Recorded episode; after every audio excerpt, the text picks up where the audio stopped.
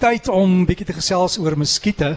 En uh die goed, jy weet baie keer klink 'n muskiet in die middel van die nag as jy wakker word so groot soos 'n kat met 'n spyker wat 6 duim lank is want hy's op pad na jou bout toe of na jou arm toe en hy gaan vir jou steek en jy gaan juk vir ure.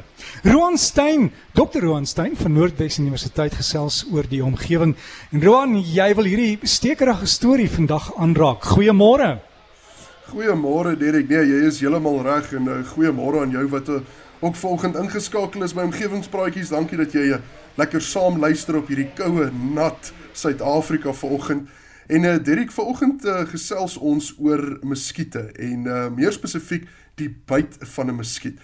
En uh, ons almal ken daai vreeslike kenmerkende juk wat gepaard gaan met 'n muskietbyt.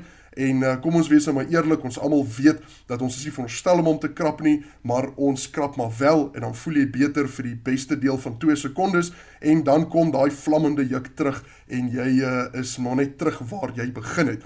Maar ehm um, het jy al net soos ek al gewonder, hoe is dit dan dat sekere mense gebyt word en ander mense nie? Miskien is jy juis daardie persoon wat nooit gebyt word nie en jy kan nie verstaan waaroor die bohaai gaan nie, maar miskien is jy soos ek, juis daardie persoon wat juis gebyt word en um, en altyd deurloop onder die muskiete wanneer 'n mens lekker buite kuier. En um, ek dink muskiete sien my uh, van 'n 100 myl af kom en dan wag hulle net tot 'n mens lekker gemaklik buite sit en dan kry hulle vir jou. En uh muskiete is nou maar deel van die Suid-Afrikaanse omgewing. Ons almal ken daai buzz wanneer uh, wanneer ons eintlik probeer slaap en ons 'n muskiet in die slaapkamer en uh ongelukkig is dit ook dan nou so dat uh, muskiete is uh verantwoordelik vir die malaria virus en ons almal weet dat uh, ons moet eintlik maar liefs 'n muskiet byt probeer vermy. Maar dit blyk asof daar wel wetenskap agter die keuse van 'n muskiet se byt is. Uh daar is 'n geweldige uh, interessante studie wat gepubliseer is, um wat spesifiek probeer vasstel is het hoe is dit dan nou dat muskiete sekere mense uh, uh, uh byt en dan ander dan nou nie. En ek vind hierdie studie baie interessant en miskien net voor ons by die bepalende faktore kom, moet ek net gou-gou verduidelik hoe hierdie tipe studie gedoen word. So die die die hierdie probleem van van hierdie tipiese probleem word van twee kante af benader. Eerstens kyk 'n mens fisies wat gebeur en jy noteer dit. Byvoorbeeld, jy noteer dat daar is 10 mense uh, wat buite kuier, 7 mense van daardie uh, 10 mense klaar die volgende dag het hulle deur muskiete gebyt is en uh, 3 van hulle het niks oorgekom nie. En uh, dan uh, kan 'n mens dan nou gaan kyk wat het hulle dan nou ingemeen. In hierdie deel van die studie is daar nie vreeslik baie verduidelikingswetenskap betrokke nie. Ons kyk net wat gebeur het en ons noteer dit. Maar daar is 'n tweede deel in hierdie tipe studie wat verskriklik belangrik is. En dit is om na die meganistiese maniere te gaan kyk waarom hierdie mense, waarom hierdie sewe mense uh, dan nou gebyt is deur 'n muskiet. Byvoorbeeld, en ek noem dit sommer nou net as 'n een eenvoudige simpel voorbeeld. Um uh miskien het ons gesien dat mense met sproete word meer gebyt as ander mense. Um ons kan nie buitentoe gaan en dit is nie genoeg om net te kan sê dat ons sien dat mense met sproete het 'n groter kans om gebyt te word nie. Ons moet daardie ekstra deel gaan doen met die wetenskap om om die eerste deel gewig te gee en te gaan verduidelik waarom muskiete dan nou byvoorbeeld aangetrokke is tot mense met sproete. En weer eens ek sê dit is sommer net 'n simpel voorbeeld, sproete het niks meer uit te waai nie.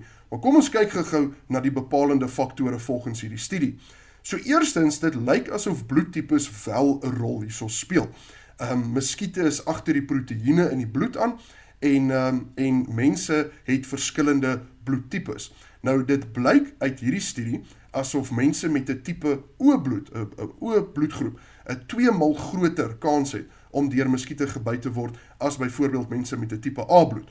Nou meeste mense skei 'n chemiese sein af deur die vel wat uh, amper soos 'n uitstaai uitsaaistasie is en verklik watter tipe bloedgroep jy is en dit blyk asof die muskiete baie goed is in daardie taal.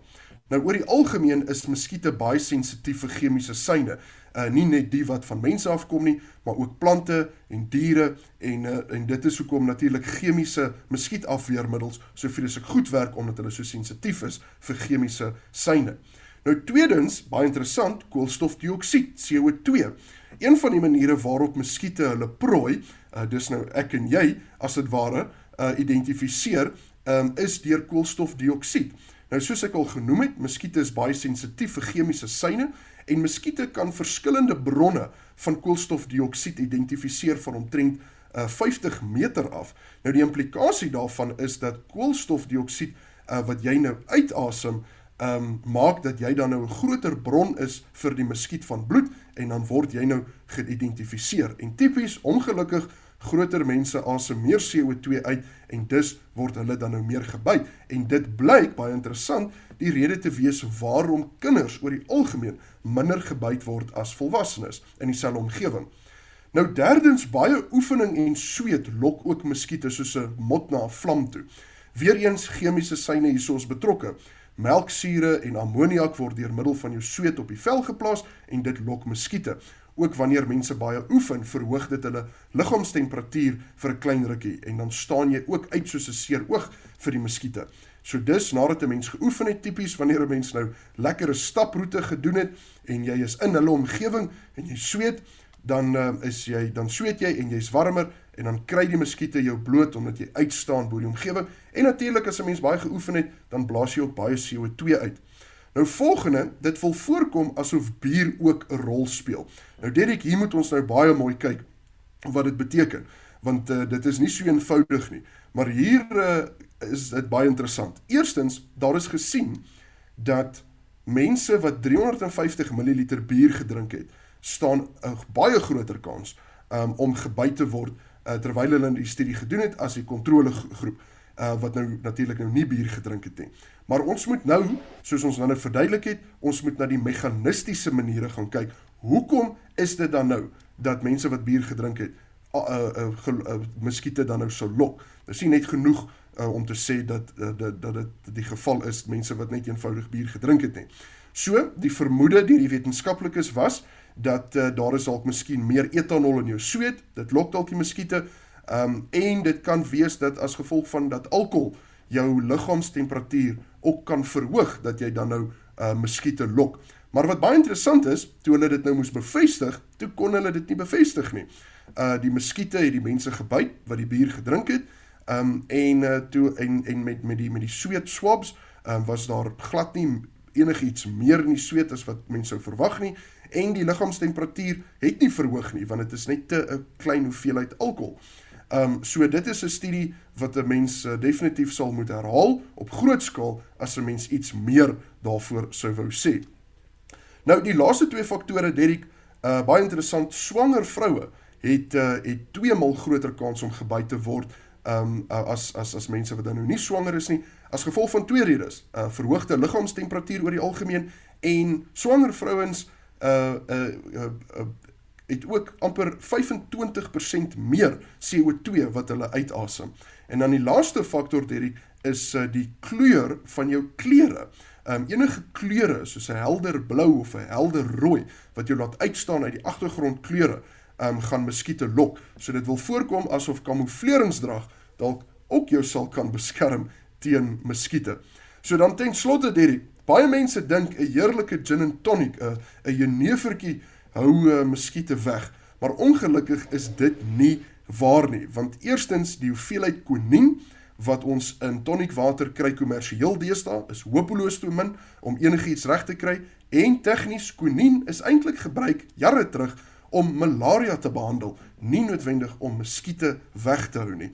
So ek sê vir jou baie dankie Derrick. Jy moet lekker kuier daarso by Meatworld en uh, jy wat daar by die huis is, bly warm, bly veilig, geniet jou naweek. En Roan voor die weg, voor die weghardloop, jy weet die hele ja. ding van quinine, ek weet ek weet baie ouer mense gebruik dit as hulle krampe kry, maar jy moet vir jou dokter vra, want jy moet nou nie gaan en jouself oordoseer op die goed nie, want dit kan gevaarlik wees vir jou liggaam. Inderdaad, jy, so, jy is heeltemal reg. Ja, en jy jy het nou genoem van sekere goed wat mense drink, maar ek ken ook mense, hulle sê muskiete byt hulle voor hulle jou byt, so jy kuier altyd saam met hulle in die bosveld, dan word hulle eers opgeëet en jy word nie gebyt nie. Yes, en ja, iemand ja, het nou verseker. iemand het nou die dag my die beste raad gegee om muskiete weg te hou. Toe sê ja? hulle, gaan na hierdie winkels toe en koop vir jou 'n net, 'n muskietnet. 'n En ons vergeet dit. 'n Muskietnet. Hy pas mooi oor die bed en hulle kan nie by jou uitkom nie. Roan, ja, baie dankie. Verseker. Baie dankie Derek. Alle voorspoed en pas op maar vir die groot muskiete. En dit dan ons omgewingspraatjie saam met Roan Stein van Noordwes Universiteit en hy sal ook op die omgewingspraatjies bladsy sal hy vir jou die inligting plaas oor die muskiete.